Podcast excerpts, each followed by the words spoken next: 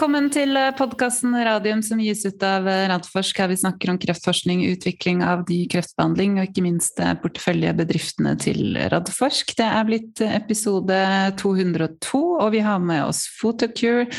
Det er fremdeles 24. november, men klokken har blitt 14.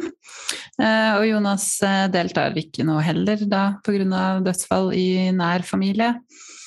Men da skal jeg gå over til engelsk and say hi and welcome to Dan Schneider and Erik Dahl from Photocure. Nice to have you with us again. Great to be here. Thank you. Sure. Thanks. And uh, Dan, you're in the US, and Eric, you're in uh, Oslo. How uh, how are things with you both? Dan, we can start with you. Oh, they've been fabulous. The further apart I am from Eric, the better. no, things things are going well. I think even despite COVID, you know, I'm I'm I'm doing well. I think the the grit and the resilience to get through this is is still here with the company. We're still a very much highly focused, energized organization, and I'm excited. I'm excited for the day COVID finally leaves this planet. I think uh, it will be some time, but uh, I won't be too pessimistic. And uh, but Eric, you're soon traveling over to the US, aren't you? I am traveling on Sunday. Yes. Mm. Looking forward to it. I am looking forward to it. It's mm. it's close to two years now, actually. Mm. Um, yes. Mm. It's very strange how we used to travel all the time, and now it's like, wow. Yeah. yeah, I was traveling in October, and I was like, okay, do I remember how to do this? I'm not sure. I had You're the right. same experience getting to Gardermoen some weeks ago. Yeah. Where do I go? Yeah. I, did, the same. Yeah, you're right. Yeah so getting out of uh, out of habit but um, we have to uh, talk about uh, q3 uh, presentation and the results uh, you presented uh, last week then um, maybe you should talk by you getting us through the highlights because yeah. i think there was a few there were, um, and, and, overall, actually pleased with the quarter. We, you know, at the end of Q2, we had signaled two things that we thought were going to emerge going into the second half of this year.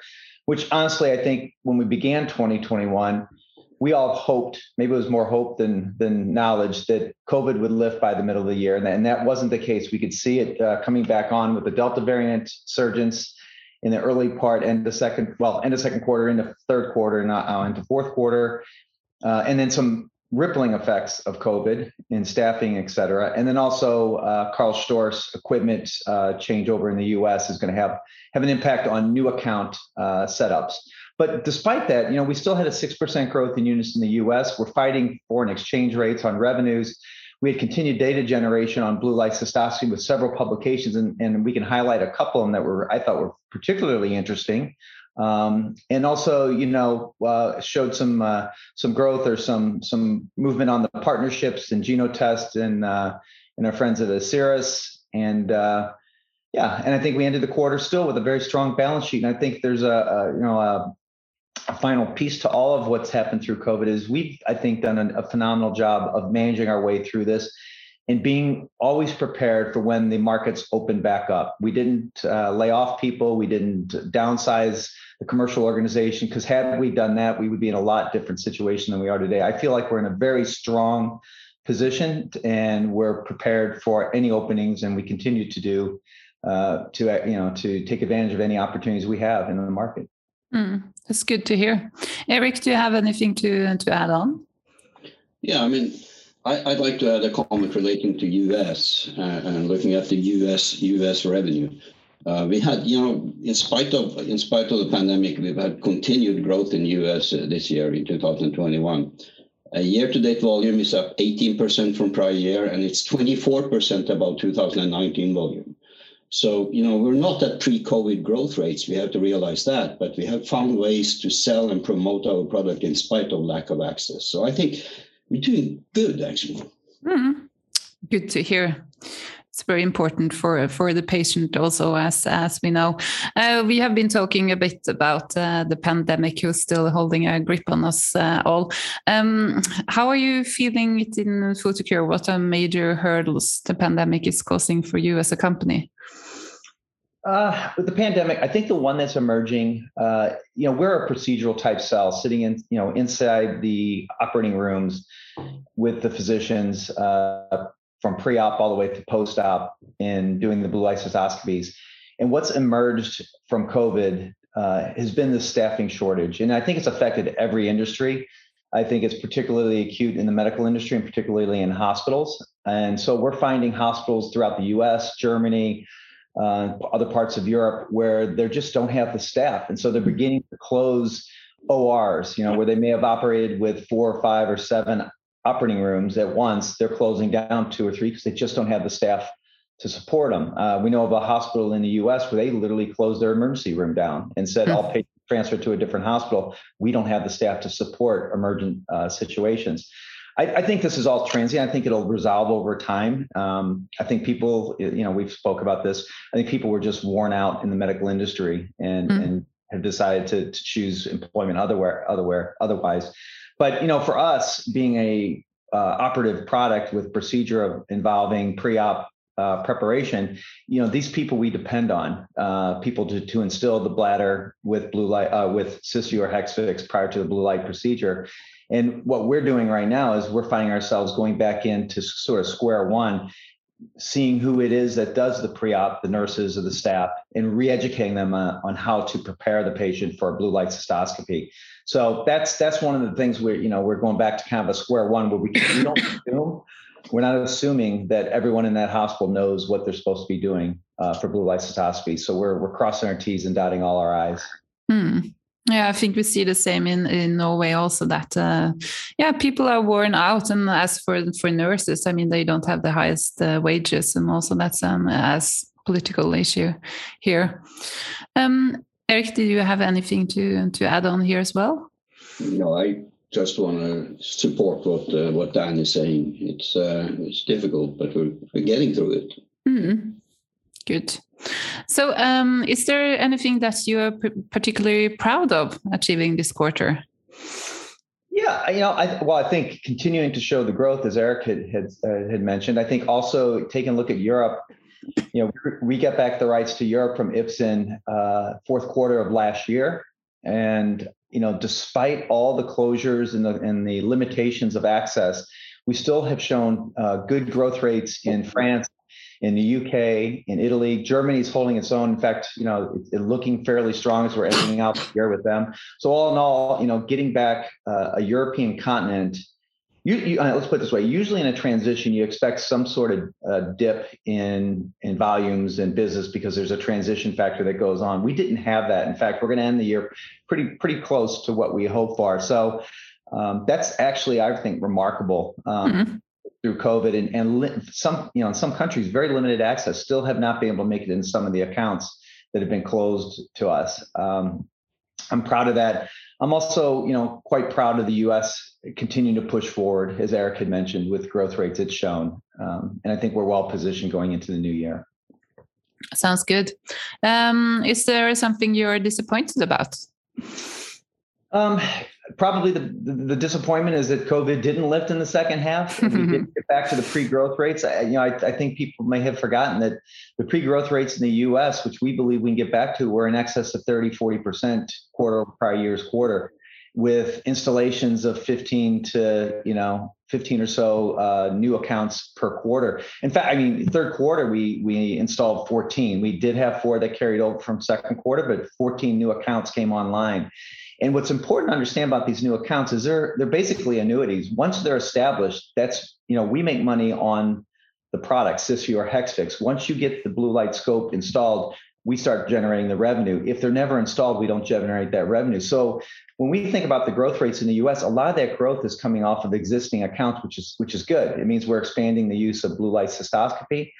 On top of that, um, you know we're still able to open some some of these uh, some of these new ones. I think one of the thing, interesting things about uh, COVID too is in this particularly in countries like the UK, come to realize that you know pandemics, COVID, otherwise cause a certain level of uncertainty on patient visits, and that uncertainty underscores the necessity of having a much more complete TURBT, a much more uh, thorough assessment and risk classification of those patients. And there's only one product out there that does that, and that's Cysview Hexvix and blue light cystoscopy. So this has actually offered us an opportunity to really position this as an answer, a mitigating factor to the effects that we don't have controls over, which is the external environment. Mm. And we're taking, you know, we're, we're carrying that message forward. Mm. Yeah, very good. Because uh, when you use the blue light, then the patient doesn't have to get into hospital as many times as without. So that's very, mm. that's very logical. Eric, is there something um, you want to add on the on the proudness or the disappointment? I'm actually very proud of the EBITDA.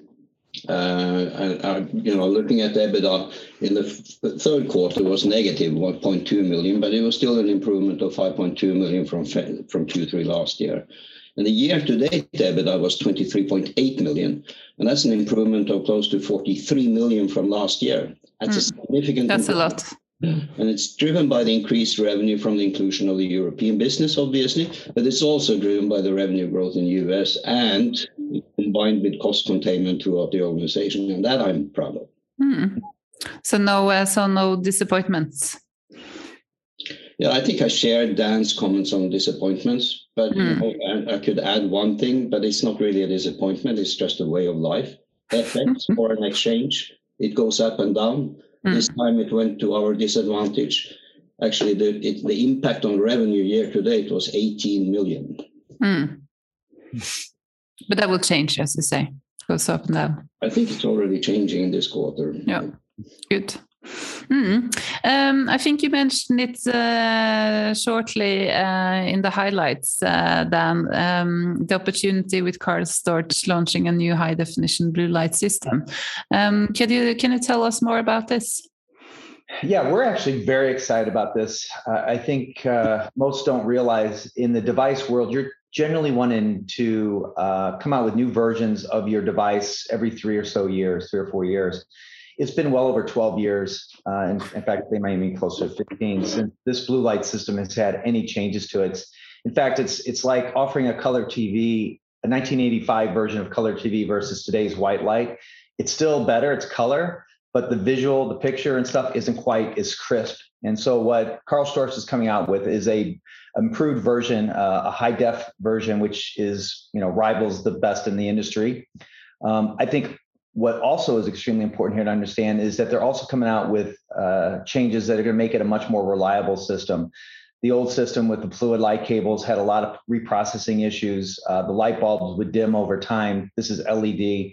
So what we think is going to happen, what we're what we're launching on, is two things. One is the excitement of this new state of the art equipment is going to immediately excite the physicians who like to work with new equipment. So that's a given. Second, it, it reinvigorates the Karl Storz sales force to sell blue light because now it's the shiniest toy on the on the shelf for them to sell. And the third thing is is in the existing accounts, you know, they need to convert over to this new system. And when they do, and we know they all will, um, that's going to bring a greater reliability in the operating room. What's happening now, what we fight constantly, is when we're in the surgical procedures, there's always, not always, but oftentimes something goes wrong. And if we're not there to correct it, it goes, you know, it goes sort of uh, on and the physician says, you know what, I, I, just can't see well. Push the blue light machine in the corner, bring the white light. Let's complete the procedure. Mm. With new white, this new blue light system is going to have greater reliability. It's not going to have the light bulbs that start dimming after you know 3,000 hours. It's not going to have the fluid light cables that get reprocessed incorrectly and then suddenly are almost uh, inoperable. So this greater reliability is going to mean that more more cases are going to go the way they're supposed to go. So in a given day, if you have five cases lined up for blue light cystoscopy, and on the first case you're using the old equipment and things aren't going well, you're going to abandon it and do the rest in white. Mm-hmm. And with the new equipment, we're going to capture all of that abandoned business uh, that may have happened in the past and that greater reliability and excitement around it. So we're working really close with Karl Storz. Uh, anticipate launching in the first half of next year. Uh, all this is obviously FDA dependent on uh, the approval date, and and then there'll be a short uh, break-in period, and then we'll go on to a full launch. And I will tell you, if we hit anywhere near the forecasts of what Carl expect, and I think our investors will be quite pleased. Mm. Sounds good. So, so they are waiting, waiting for approval now in FDA. Correct. Yeah. Okay. So then we'll, it will take some more time before it's approved in uh, email. And they also, just as a side note, they are also uh, uh, improving or sending out, uh, launching new equipment in Europe. So hmm. upgrading mm. the entire European equipment package. That'll happen the first quarter, as well as now that's uh, this excitement around all this and this sort of rebirth of blue light cystoscopy. Europe has also incentivized Olympus, who is now upgrading their equipment. Mm. they expect to roll out their new equipment in third quarter of next year. Okay. So reinvigorated the whole continent of Europe with our involvement with the KOLs and equipment manufacturers. Mm. Sounds good. Sounds like a healthy competition going on there. Mm. Um, yeah, you also mentioned that you had uh, had uh, 14 new installations for the blue light systems in the US. Um, are you expecting this to rise uh, as we go over to this quarter, as a Q4 Q? now I can't talk anymore. Q4. Sorry, I apologize. No, no, there, there, will be some additional uh, installations. I, I, you know, in all honesty, I think Q3 surprises a little bit, but maybe maybe it shouldn't surprise us because what customers basically said is, listen, we we don't you know we don't know how it's going to go with Karl Storz and the approval and when that's all going to happen, but what we do know is blue light cystoscopy can make an important uh, difference in treating our patients. So we want it now. Mm. So they brought it in in third quarter, which which was great. It, it shows a belief in the system and a belief that blue light cystoscopy does make a difference. But going into fourth and first quarter, we're gonna we're gonna remain cautious uh, on installations. I think there will be some, but we're not. I don't. You know, I think we would be fooling ourselves to believe there would be 15 or 20 installations in Q4 and another 15 and 20 in Q1 when they're right on the the mm. eve of launch of the new equipment. But you know, we'll see. Mm. Um, the demand the demand for blue light cystoscopy is is growing. And i think that's the, the the good news about all this is that throughout all this our pipelines remain, remain extremely strong and the interest is extremely high both from the physician standpoint as well as the patients. And we can talk a little bit about the patients in a little bit of, uh, of a program around the us to drive patient demand for blue light so. Mm.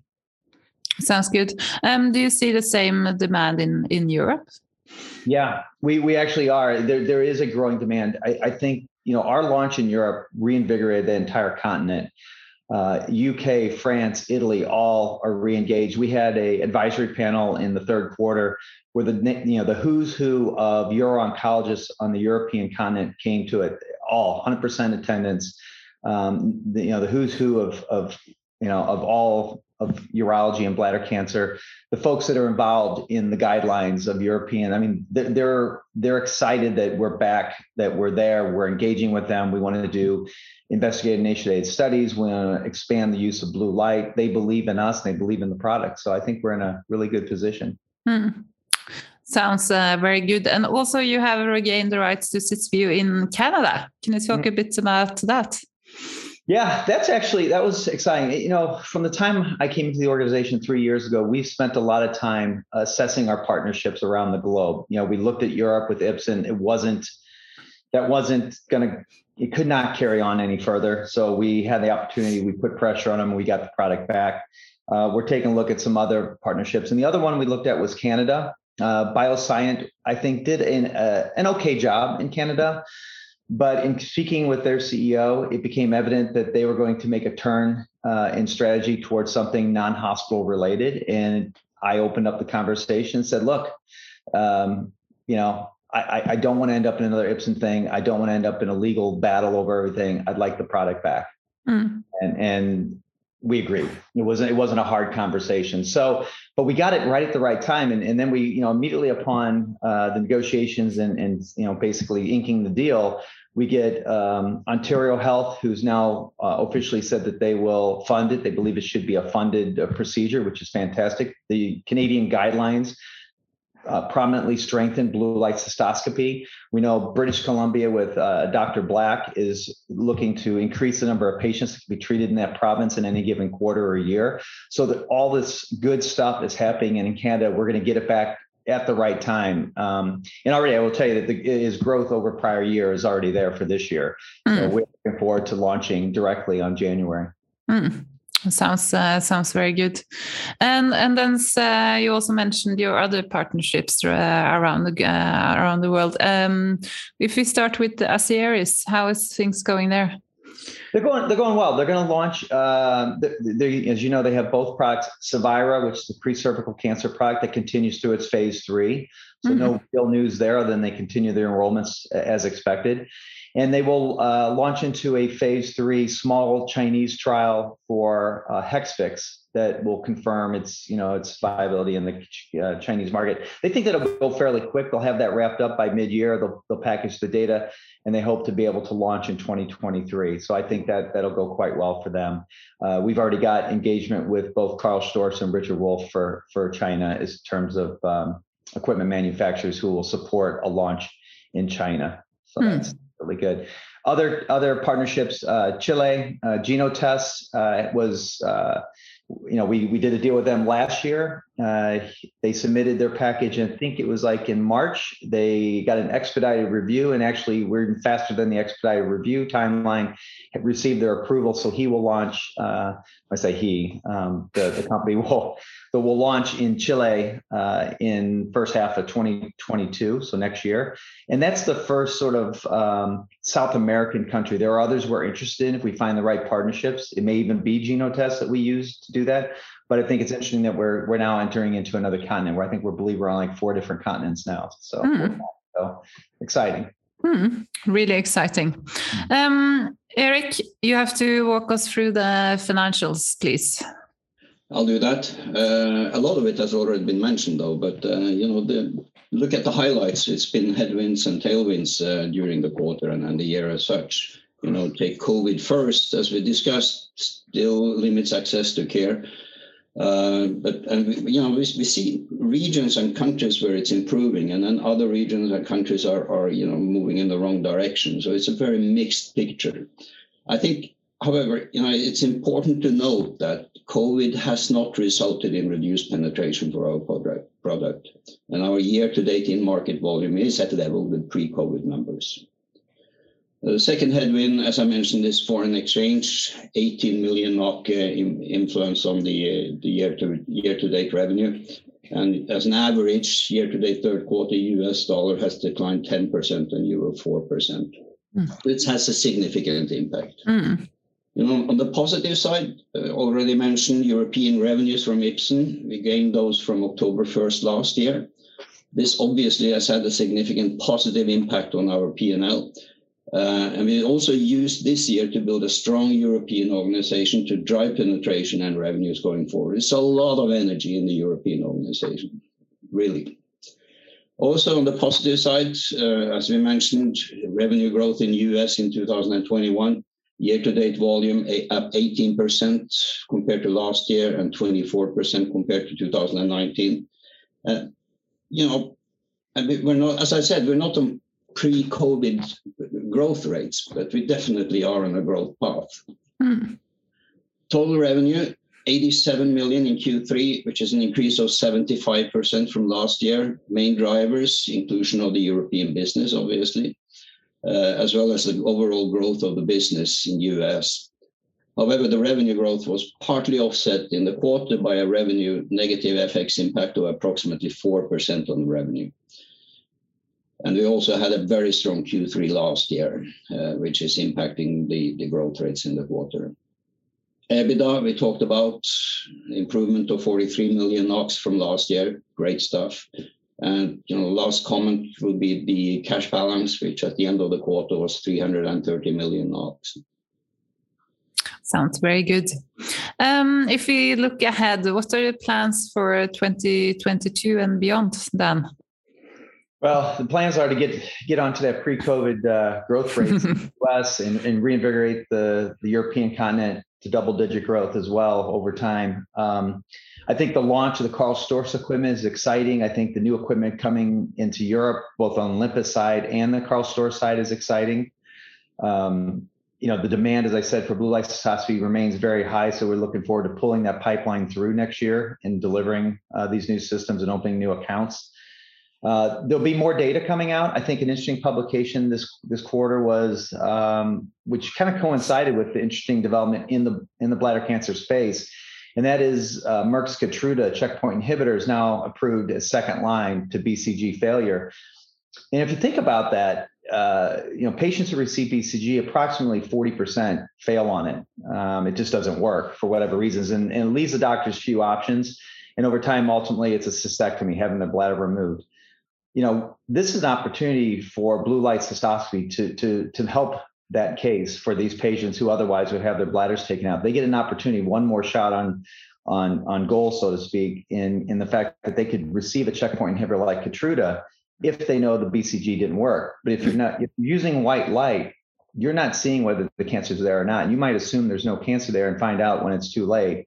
And then the, the checkpoint inhibitor is not an option for you. So we see an, op- an opportunity there. And I thought that was interesting that we came out with the, you know, the the, the presentation paper on BCG uh, refractory patients at a time when the same time um, the the checkpoint inhibitors are coming out so I think that's exciting going into the new year um, and looking at those opportunities and and you know launching in Canada. I think is going to be a very positive thing. Um, I, I, know how things are developing there already, and it's just sort of it's taken on a momentum of its own, which is really really good. And uh, yeah, I think those are the things I'm looking forward to. Eric, anything to add? No, I really don't. You, I think you said it. Sound, sounded very pleasing there, uh, Eric. You're yeah. looking forward to some great dinners in the US. Yeah, right. yeah, good. Um, before we uh, end, do you have any take-home messages for the for the listeners and uh, maybe also the stock uh, owners, Dan? Yeah, I, I, you know I think if you nothing has changed for for uh, for um, for Photocure. In fact, I think we're even in a stronger position than we've ever been. Coming into the organization three years ago, we spent all of 2019 kind of retooling the organization, right sizing commercialization, investing appropriately, building up the uh, European uh, operations. And then we were hit with COVID. And despite those headwinds, we pushed through and still had shown growth, as Eric pointed out to everyone. You know, this is like, you know, a race car with a parachute on its back. Uh, and, and when uh, COVID lifts, the parachute's going to drop and we're going to take off. The total addressable market remem- remains at 2 billion. We have a fraction of it in the US and, and maybe pan Europe. We think and we believe and we know that we can grow blue light cystoscopy. We have a re engaged KOL base throughout the world. We have a re engaged equipment manufacturers throughout the world. We know there's tremendous interest um, beyond Karl Storz in the US, tremendous interest from other manufacturers of blue light uh, scopes wanting to come into the U.S. I, you know, I, I, say to investors, if you don't believe us and aren't as optimistic and, and believe in you know the future of, of blue light cystoscopy, ask the other four or five capital equipment manufacturers why they're spending millions of dollars upgrading blue light equipment mm. or wanting to launch into the U.S. or other parts of the world if they didn't believe in it too. We all can't be wrong. So. Mm. Hopefully, people kind of triangulate that and think about this and say, "Wow, wait a minute, you know, despite the COVID, this has actually been a great story, and it's going to have a you know a second chapter to it that's going to be a really exciting one. Hmm. Sounds very good. Oh, there's the dog. He's cute. I, I, left mine at my, uh, my, I have two dogs now, so I left them at my parents actually.